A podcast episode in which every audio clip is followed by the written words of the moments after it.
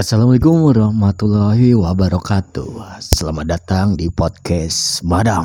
Mereka ada di mana-mana. Bersama gue Indra di sini. Kalau di episode sebelumnya ya kan sudah ada Neng Sabil yang menceritakan tentang pengalamannya yang diguna-guna katanya. Waduh. Dan untuk kali ini giliran Bang Cimoy ini yang bercerita. Halo Bang Cimoy.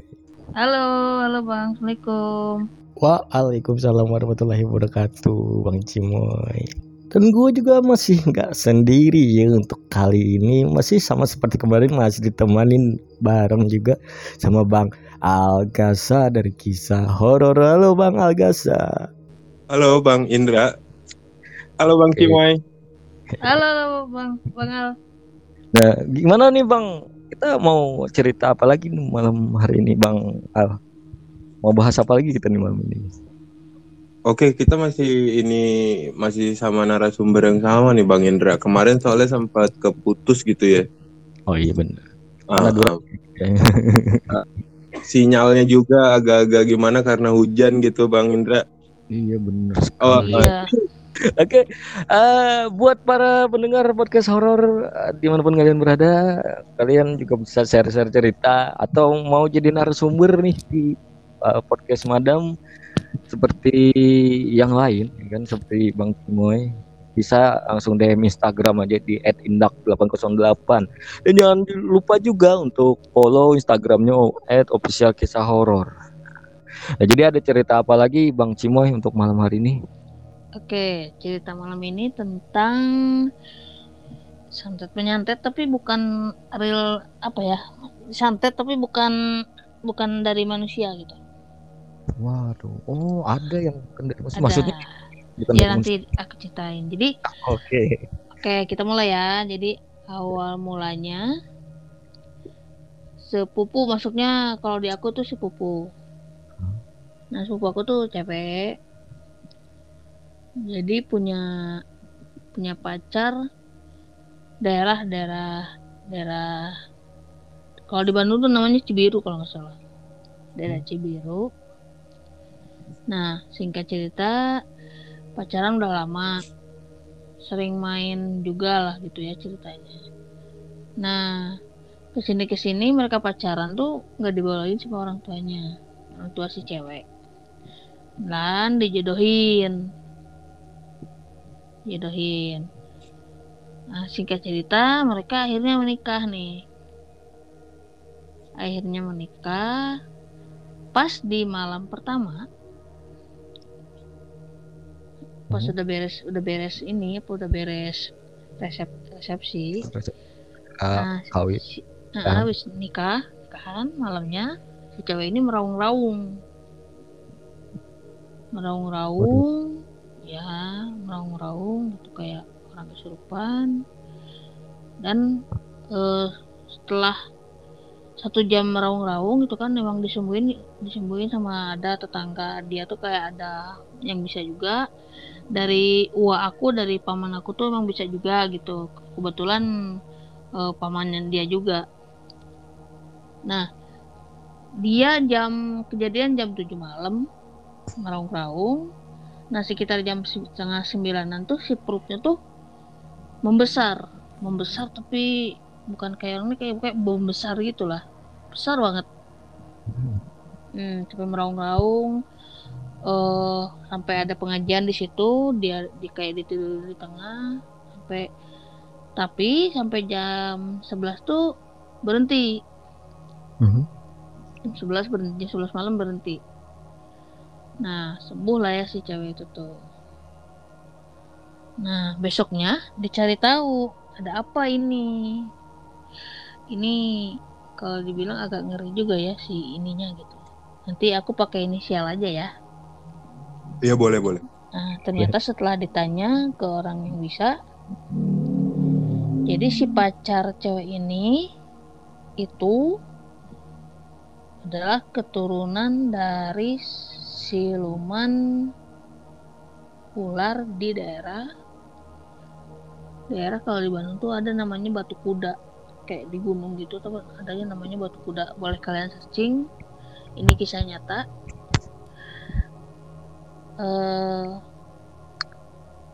Sing- apa ya? Setelah dicari-cari itu ya. Nah disembuhin tuh emang nggak ada yang bisa nggak ada yang bisa nyembuhin.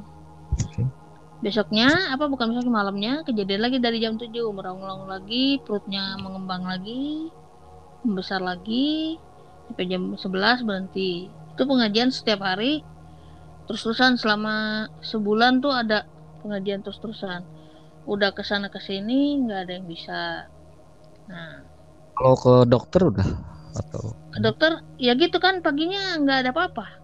Enggak ada? Oke. malamnya aja udah udah jam 11 tuh nggak ada apa-apa kayak biasa lagi nah sampai sampai si suaminya tuh minta cerai karena takut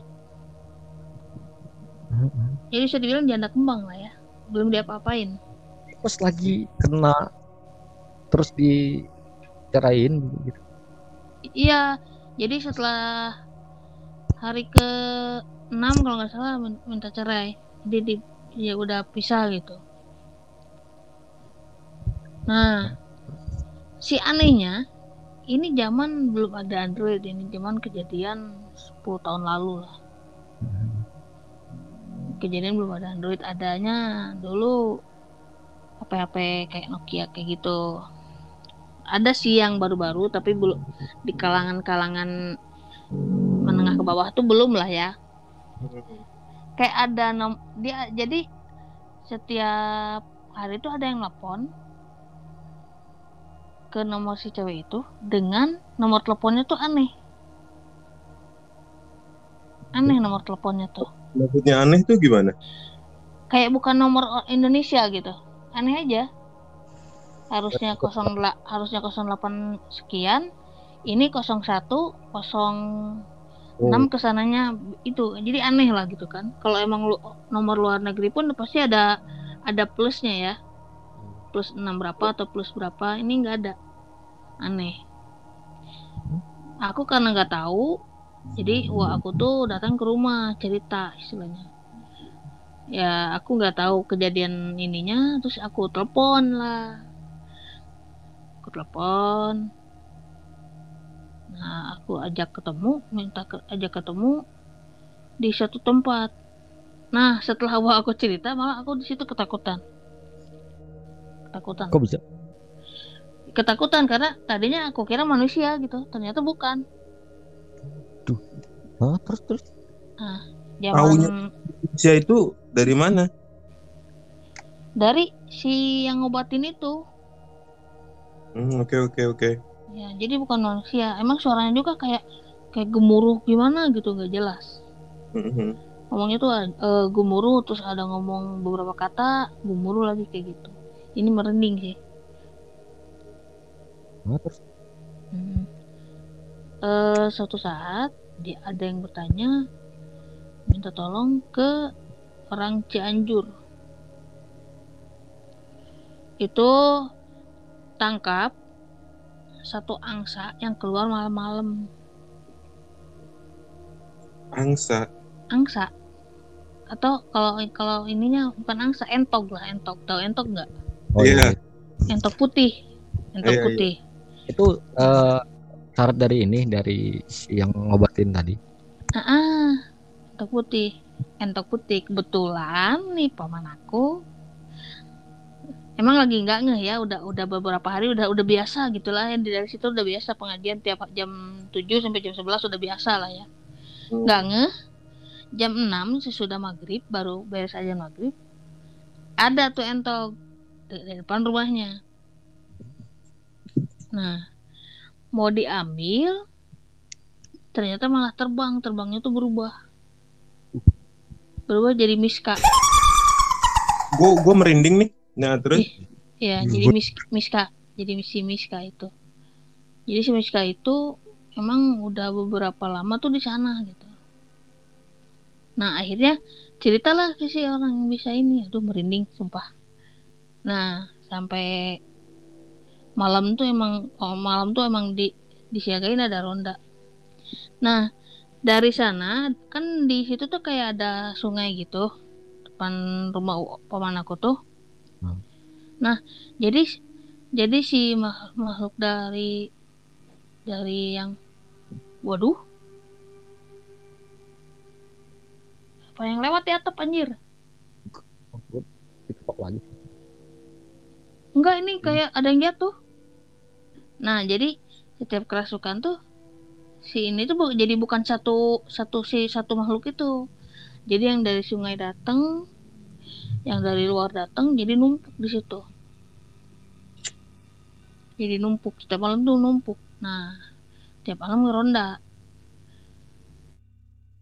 Kayak itu di luar sama kalau temennya di dalam sama paman aku tuh di dalam rumah. Tutup semua pintu semua kaca tutup. Nah selama mengobatin aduh. Selama ngobatin ini selama ngobatin ini nih. Halo selama ngobatin itu kaca sama pintu kayak apa ya? Kayak yang apa ya kayak yang mental gitu. Mental sampai kaca tuh terang gitu sampai pintu tuh kayak mental-mental. Jadi yang di dalam tuh pada panik pada panik pada- akhirnya emang nggak boleh keluar satupun. Jadi eh memberanikan diri lah ya. Si si kaca itu tuh siapa? Si yang mental-mental itu tuh terus-terusan nah akhirnya akhirnya si di malam hari itu tuh karena dibalikin sama si yang bisa eh ini si keluarga si cowok pacar yang dulu itu datang ke situ. Datang minta maaf. Karena si anaknya itu bisa dibilang udah sakratul maut karena karena sama diobatin itu. Oh jadi dibalik dibalikin langsung. Karena kalau nggak dibalikin kena lagi kena lagi. Bisa dibilang kalau udah ada belasan paranormal tuh nggak ada yang ini. Kalau kiai pun nggak ada yang nggak ada yang sanggup. Nah datang si orang tuanya. Suruh didatengin si anak yang sak- sakratul itu datang ke sini. Datang ke rumahnya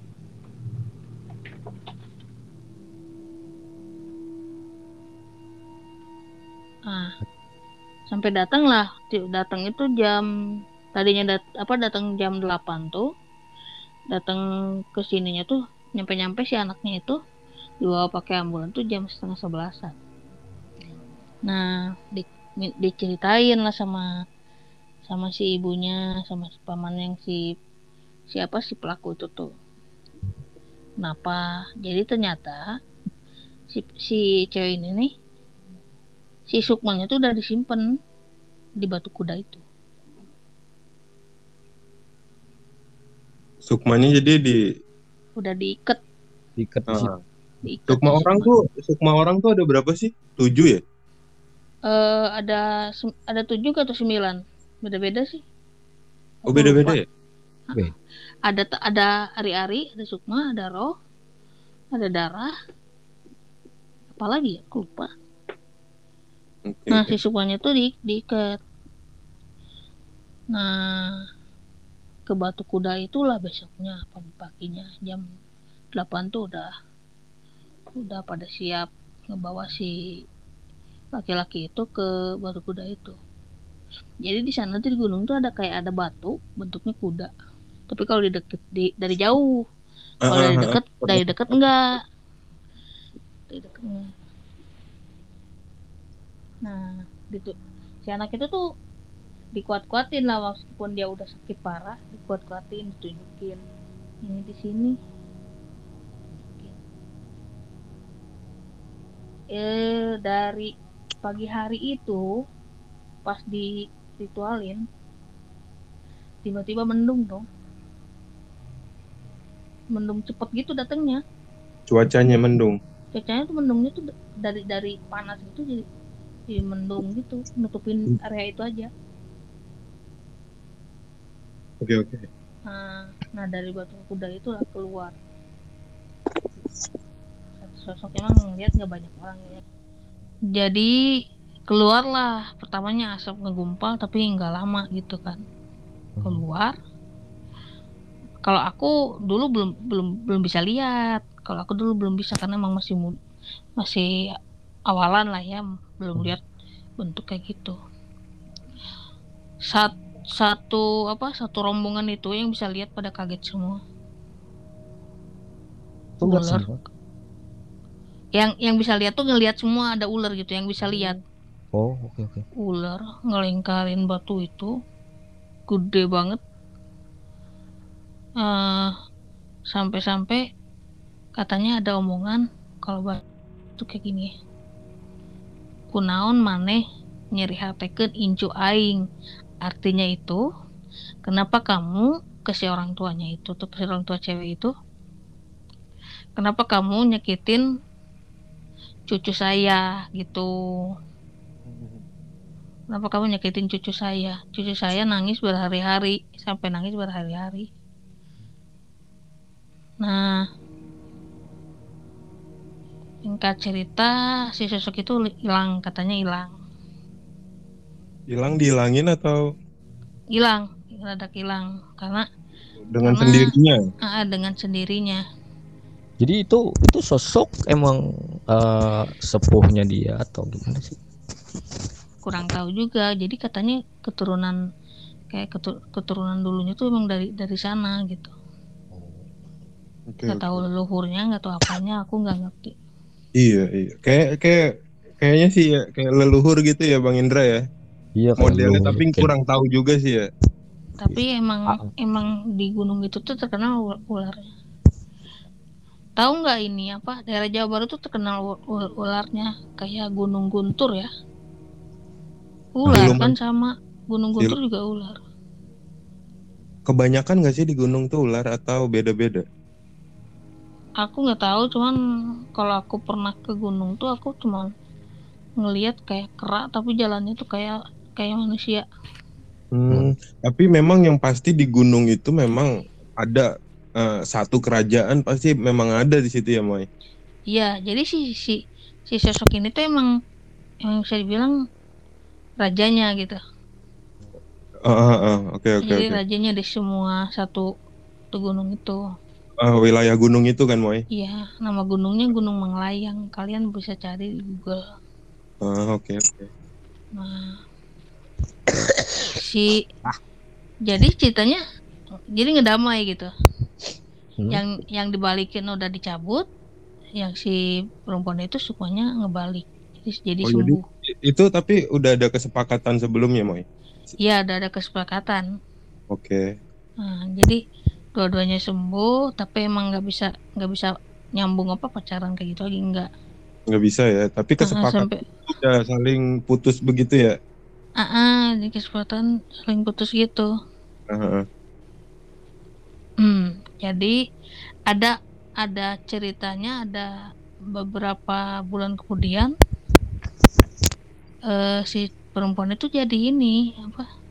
Jadi orang bisa juga jadi jadi dia jadi bisa lihat, Oh, jadi lebih kayak sensitif ke hal-hal jadi yang lebih ya Ah, ah. sih.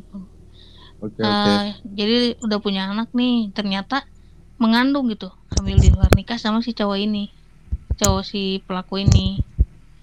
Lah kok Sorry bisa? itu ceritanya aku eh, karena jadi ceritanya nggak di awal ya, jadi si cewek ini mengandung, Hah? Hmm. mengandung tiga bulan dari si pelaku, tapi orang tuanya mau nikahin sama orang lain gitu, yang lebih mapan, Orang tua si perempuan nih. si perempuannya.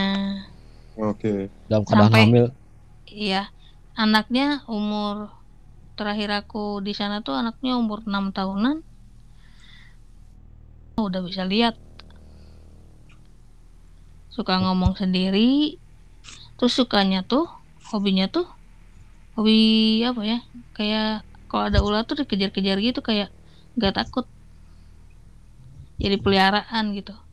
Padahal keluarganya udah pada takut. Emang benar-benar pelihara apa gimana?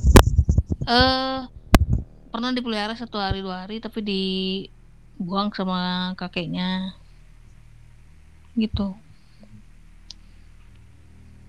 Takut kenapa-napa ya. ya takut kenapa kenapa Kan bahaya kan main ular ya kan. Uh, lu gua aja takut. itu ya aku ngelihat apa ngelihat perutnya gitu perutnya ngebesar gitu jadi di perutnya itu kayak ngelingker ada ternyata iya ternyata di di perutnya itu kayak ada ngelingker ular gitu kayak apa aja kayak ada jalan-jalan gitu Itu sejenis ular apa tuh kira-kira? Atau ada kayak ada sesuatunya kan biasa aku pernah denger juga tuh yang biasanya ada ada mahkotanya atau ada apa gitu. ularnya spesifik spesifik ularnya aku nggak tahu. Oke tapi kayaknya bukan kayak bukan ular kobra gitu bukan. Ularnya hitam katanya ularnya hitam. Kalau ada mahkota enggaknya aku nggak tahu karena aku nggak banyak nanya. Nggak boleh katanya gitu. Sampai sekarang nggak punya suami karena setiap mau nikah gagal. Sampai Setiap sekarang. mau ni- sampai sekarang. Setiap mau nikah nikah nih nikah. Jarak sebulan dua bulan cerai. Cerai. ya Itu alasannya? nggak tahu katanya ada kalau setiap si cowok si suaminya suka lihat malam-malam suka lihat dia nari. Nari kayak nari nari ular gitu. Itu kalau istilahnya orang Jawa tuh apa ya? Ada sebutannya tuh, Bang Indra itu. eh gue juga nggak tahu namanya, tapi ada sebutannya kalau buat yang tadi diceritain sama Bang Cimo itu kalau si perempuan nikah nih nggak nggak lama hubungannya gitu. Oh iya, oh iya ada sebutannya. Apa Apa wanita? ya? Wanita apa ya? Wanita Aku lupa. apa gitu? A- aku nggak tahu lagi Ya jadi Pokoknya- ada ada ada juga tuh ya yang nggak cerai, ada yang eh, lu tiap nikah ada beberapa eh, beberapa bulan ntar ada yang meninggal, ada yang sakit, nah iya. Nah, iya kayak gitu tinggal modelnya. gitu. Iya benar. tapi Itu ada tapi kalau men- meninggal aku nggak tahu karena kan aku dua tahun udah pindah ke sini itu cuman emang sampai sekarang kabarnya emang belum belum nikah nikah pernah pacaran sama temen aku udah udah undangan udah siap katanya kan. Semua udah siap tinggal nikah besoknya menikah malam ini udah dia nge si ceweknya Duh. kayak ada aja gitu Iya kayak ada aja yang gangguin tuh di di di daerah Jawa gitu ada sebutannya ada tapi sebutannya. lu- Ada. Aku lupa juga apa ya. tapi tapi bang ya setahu aku ya kan karena aku udah udah bisa ya kan eh bukan bisa banget sih bisa lah bisa lah dikit dikit ya Nah, pernah aku pernah aku datengin rumahnya emang sampai batas anaknya umur 13 13 tahun. ya baru bisa katanya gitu Emang. sekarang Oh, iya, aku ingat. Ah, wanita bahu lawean. Wah, lawean Ya, ah udah di ujung lidah tadi. ujung lidah tapi nggak jadi Tawean. Nah itu sebutannya itu. Sebutannya itu tuh. Hmm. Pernah dengar cerita ya itu yang lebih ekstrim sih yang sampai meninggal. Pokoknya Nah. meninggal kalau enggak sakit, meninggal sakit. Iya. ya sakit gitu nggak jadi aja setiap itu nggak jadi aja Sampai empat lima kali nikah ya tetap aja jadi Itu tetap aja. jadi Iya. janda. jadi janda Ada. Bang Al nggak mau nyoba gitu cari janda itu. Iya. Tahu Masa meninggal Atau gadis, gadis memang. dark joke ini. Apa gimana? Emang stok gadis sudah habis. ya nggak tahu sih. Ya kita nggak tahu dalamannya bang. Iya, Ya sih, Allah. namanya namanya Ada gadis aku nggak tahu ya. ya dalemannya. ampun sampai dalaman Wah ini horor makin malam makin horor nih Bang Makin Indra. nih. Udah ke dalam-dalam soalnya nih. udah ke dalam-dalam ini Ah, ya di pembahasannya nih. Oke lanjut aja ceritanya udah itu tuh. ah jadi sampai Hah? gini jadi sampai sekarang emang belum nikah gitu Umur berapa sih sekarang? aku Dia udah 30 udah tua ya ya lumayan sih. lumayan sih. Sama sama Bang Al tuh berarti tuh. Bang Al? Gue mau ya, udah gue mau udah diem-diem Bang Indra. Nah, Hmm. dia, dia paling diem-diem. masalah umur tahu gue kenapa Apa ya? Soalnya gue kalau bikin apa-apa nih akun apa-apa gitu, gue pasti pakai tahun tuh 93 Bang Indra. Oke. Iya ya, nggak berani 80-an ke sana ya. Gak berani 90-an yang pasti mah. iya, iya. Oh my god. Aduh, aduh, aduh, aduh. Nah, Padahal Jadi- 93 ke 90 nggak nggak jauh banget, Pak. Enggak ya. Enggak, tahun 2000 aja sekalian jadi umurnya 21. Tuh kan? Jadi biar biar biar nggak nggak curiga juga sih kok ini gimana gitu ya. iya. Oh iya.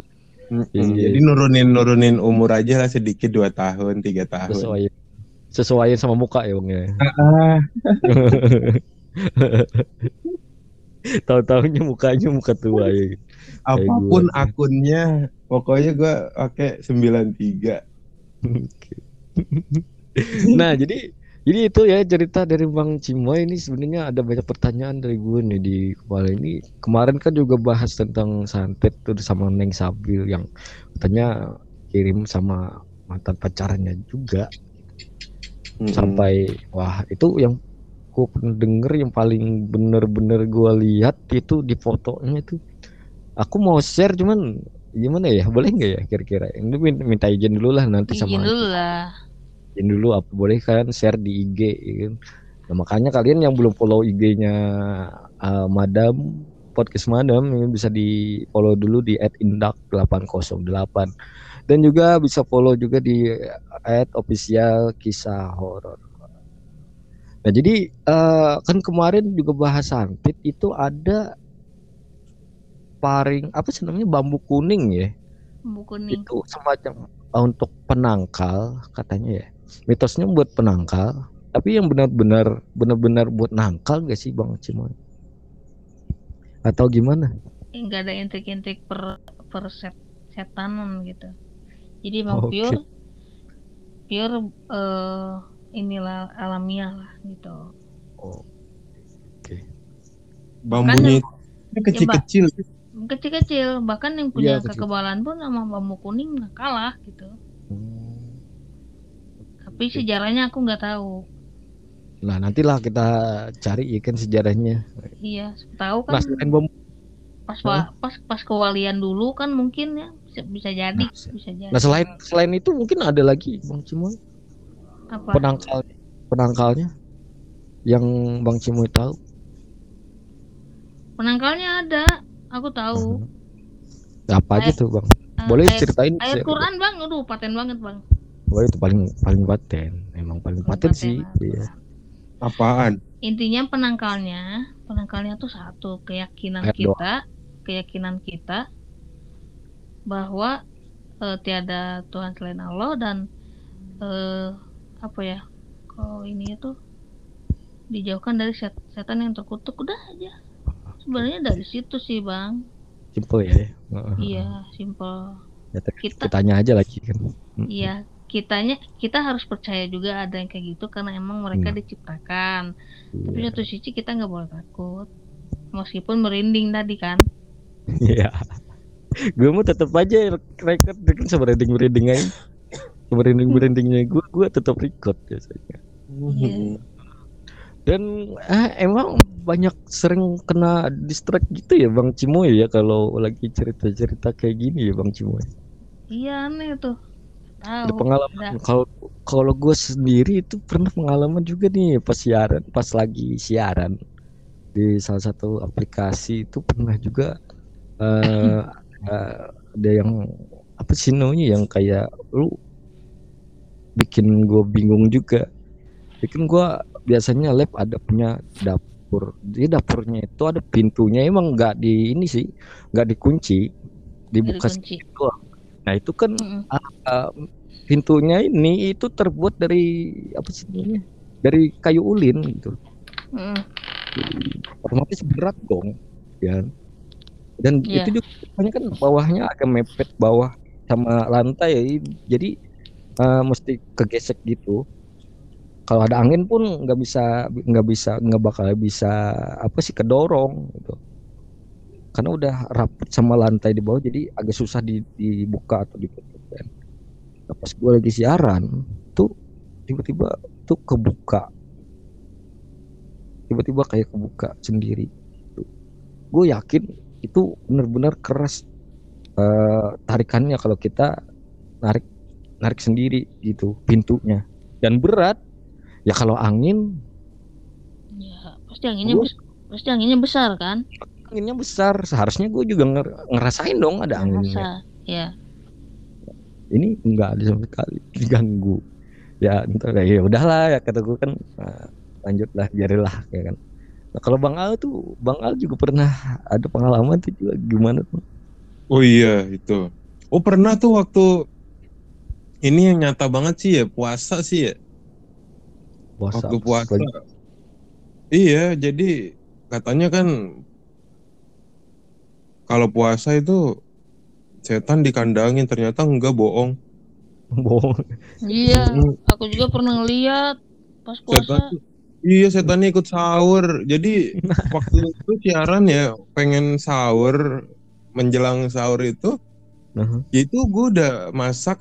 Nggak masak sih gue jadi nyokap gue eh, bikin masakan tapi gue ikut bantuin gitu kan sedikit. Baru gue ke siaran lagi.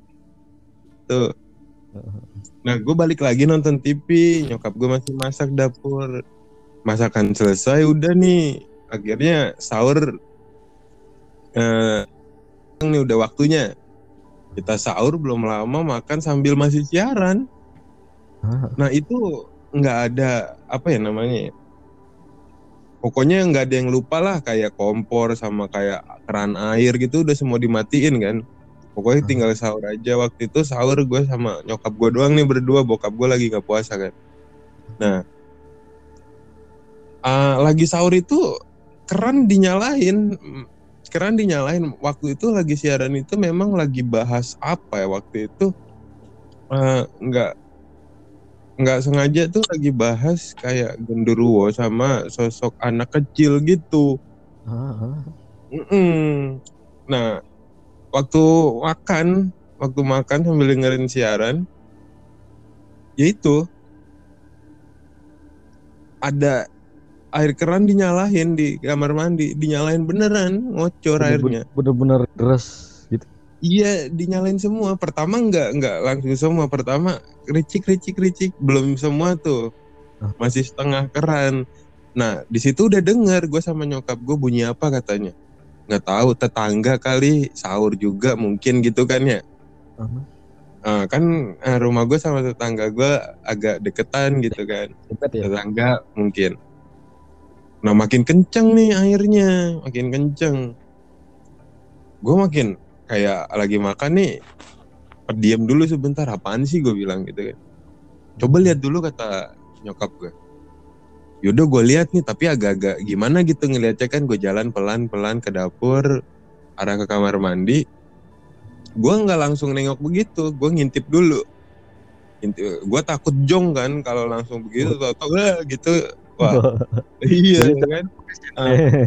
Ah, agak-agak ngintip dulu, gue pirit dulu sedikit, tau-tau air keran gue itu udah nyala. Gue pikir itu tetangga gue, gue pengen ngintip itu juga lagi negesin air keran gue atau air tetangga gue Tetangga. nih. Mm-mm. sambil ngintip Tapi tetangga semakin- gitu maksud bang Iya, tapi Iya. semakin dekat, oh, bukan. oh enggak enggak Gue kira sambil ngintip ngintip tetangga gitu enggak ya itu beda lagi itu. Oh, beda lagi ceritanya iya udah sambil jadi jalan pelan tuh sambil negesin ini eh, kamar mandi tetangga gua atau memang dari mana gitu. Akhirnya pelan pelan jalan jalan gue intip sedikit kok air keran gue nyala gitu kan. Akhirnya langsung aja gue tatapin muka gue langsung begitu langsung set. Bener. Itu air terakhir gue yang make gue inget banget. Hmm. gue yang matiin beneran. Dan nyokap gue itu masih masak pas gue eh, cuci tangan cuci muka itu masih masak dan gue udah udah matiin orang sampai gue tanya tadi udah dimatiin kan ya? Gue bilang udah katanya orang orang eh, naro piring juga udah di tempat kotor itu juga udah dimatiin kata nyokap gue nah di situ gue iya bingung gitu maksudnya kok puasa kok ada gitu katanya kan. Kalau iya. puasa iya kan? Nah katanya kalau katanya. ini nggak ada ternyata ada loh ikut sahur itu sih ada ada teorinya bang nantilah kita bahas kenapa di bulan puasa masih ada setan-setan berkeliaran Nah, iya bener loh. iya buat pembahasan selanjutnya nanti kok bang Cimoy bang Cimoy Gimana? Bang Cimoy kan juga sering live streaming ya kan. Mungkin pernah diganggu juga seperti itu. Atau nih lagi lagi diganggu gimana nih? Enggak ya? Kalau diganggu mah tadi aja sih yang ngegubrak gitu. Oh, tadi. Iya. oh ada Itu- tadi. ya? Itu Iya ada ditanggung makanya aku bilang kan itu ngegubrak gitu. Ngegubrak aja dari atap tuh. Yang lebih ekstrim mungkin. Yang lebih ekstrim mah eh, ada. Hmm, waktu itu eh, mal puasa puasa ke hari ke 27 kalau nggak salah hari 29 gitu ya mau ke takbiran gitu. Mhm. Tapi ini bukan lagi streaming ya. Lagi pengen sholat subuh di masjid.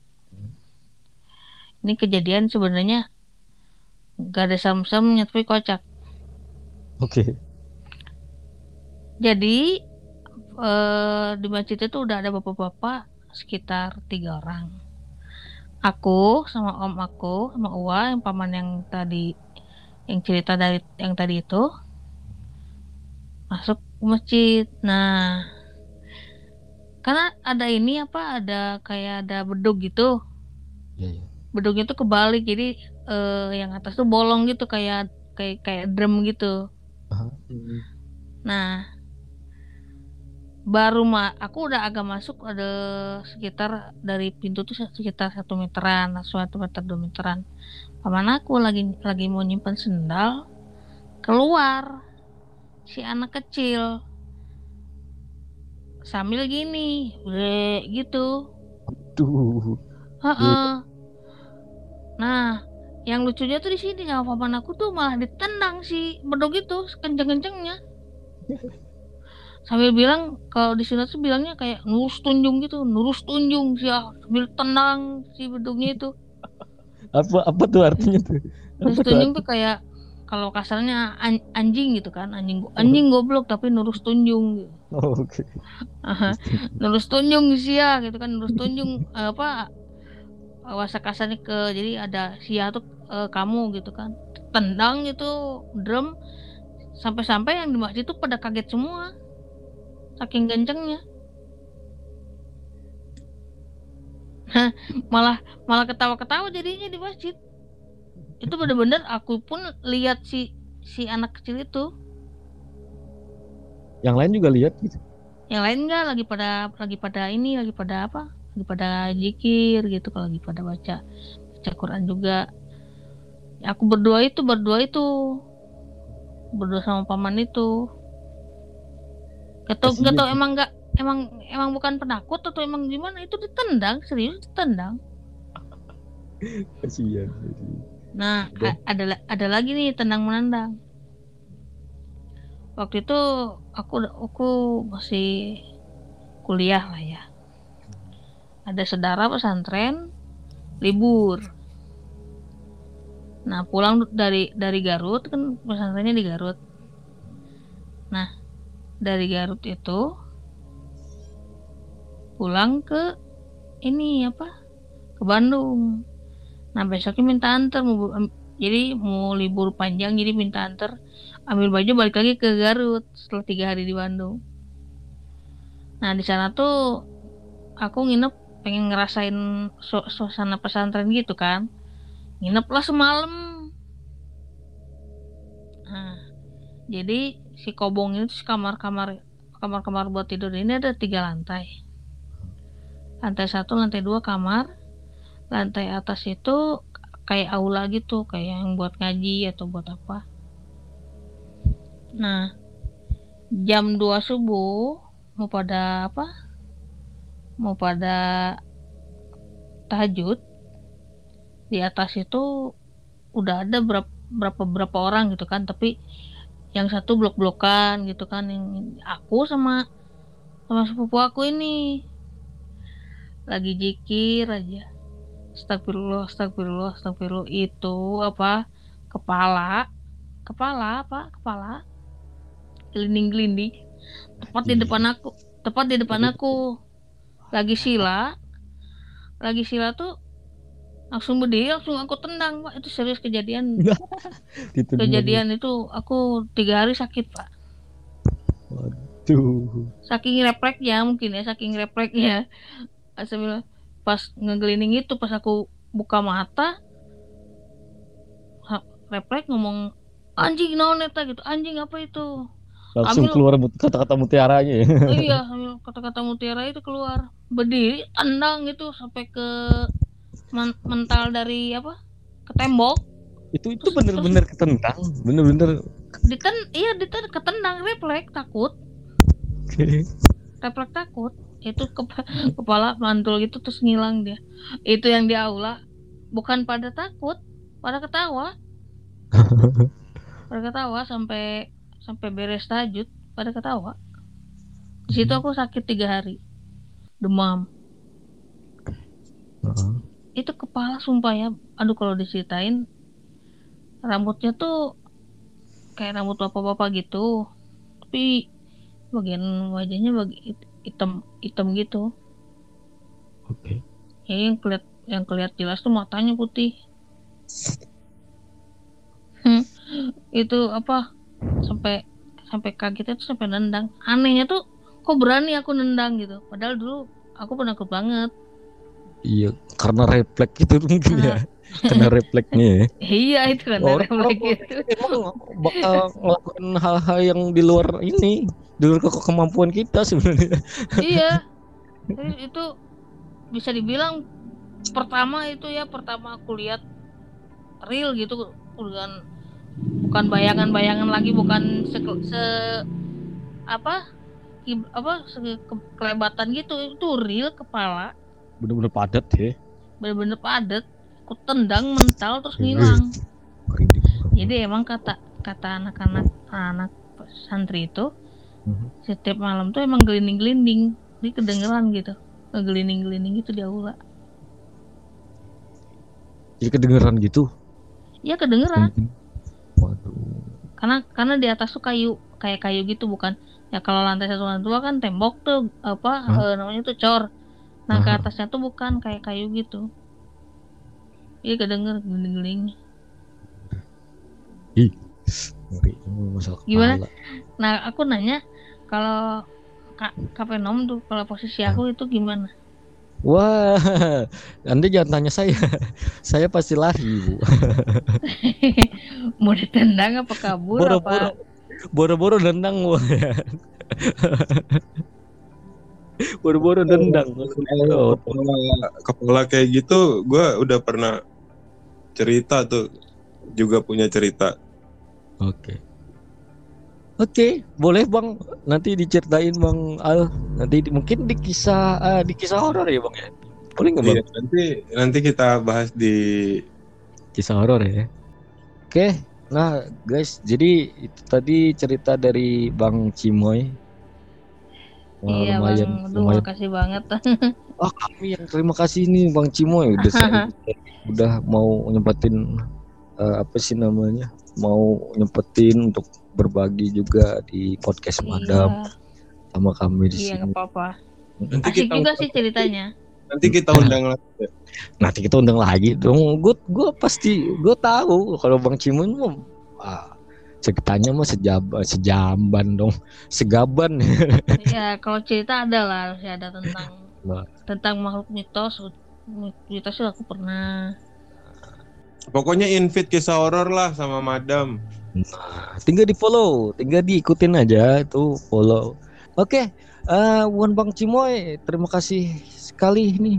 eh, iya udah bang sama-sama tapi ini apa ya aku baru cerita emang emang eh, cerita yang bener-bener cerita di sini di sini gitu biasanya aku malu-malu Iya, malu-malu. Iya. Iya, iya malu-malu Beda kalau Bang Algasa malu-maluin biasanya nih. iya iya biasanya gue malu-maluin ya Ya. Nanti Bang Timoy pasti gondang di kisah horor. Iya. Kan cerita yang kemarin kan nanti kita Oh, ganti iya. cerita lah pokoknya. Oh iya iya. boleh boleh nanti lanjut ceritanya Nah, makanya jangan lupa nih teman-teman yang masih penasaran dengan cerita lain dari Bang Cimoy ataupun narasumber yang lainnya nanti bisa didengar di episode selanjutnya di podcast Madam atau juga bisa didengar nanti di podcast kisah horor bersama Bang Agasa nanti di sana. Dan buat kalian yang mau berbagi cerita atau sharing cerita pengalaman pribadi atau sekitarnya bisa dibagikan melalui DM Instagram at indak808 atau juga di at official kisah horor atau bisa DM langsung Bang Algasa ya di @pentol ke pentol. Nah, nanti yang mau jadi narasumber juga boleh ya kan langsung DM aja di sana. Oke, nah gua Indra dan co-host saya ada di sini. Algasa dan narasumber kita Bang Cimoy. Iya. Makasih ya. Ya. Makasih loh Bang Cimoy. Pokoknya Ah. ditunggu undangannya pasti. Pasti dong nanti diundang lagi ya kan. Oke, terima kasih sekali lagi dan kami mohon undur diri dari hadapan kalian para pendengar podcast Madam. Assalamualaikum warahmatullahi wabarakatuh. Waalaikumsalam warahmatullahi wabarakatuh.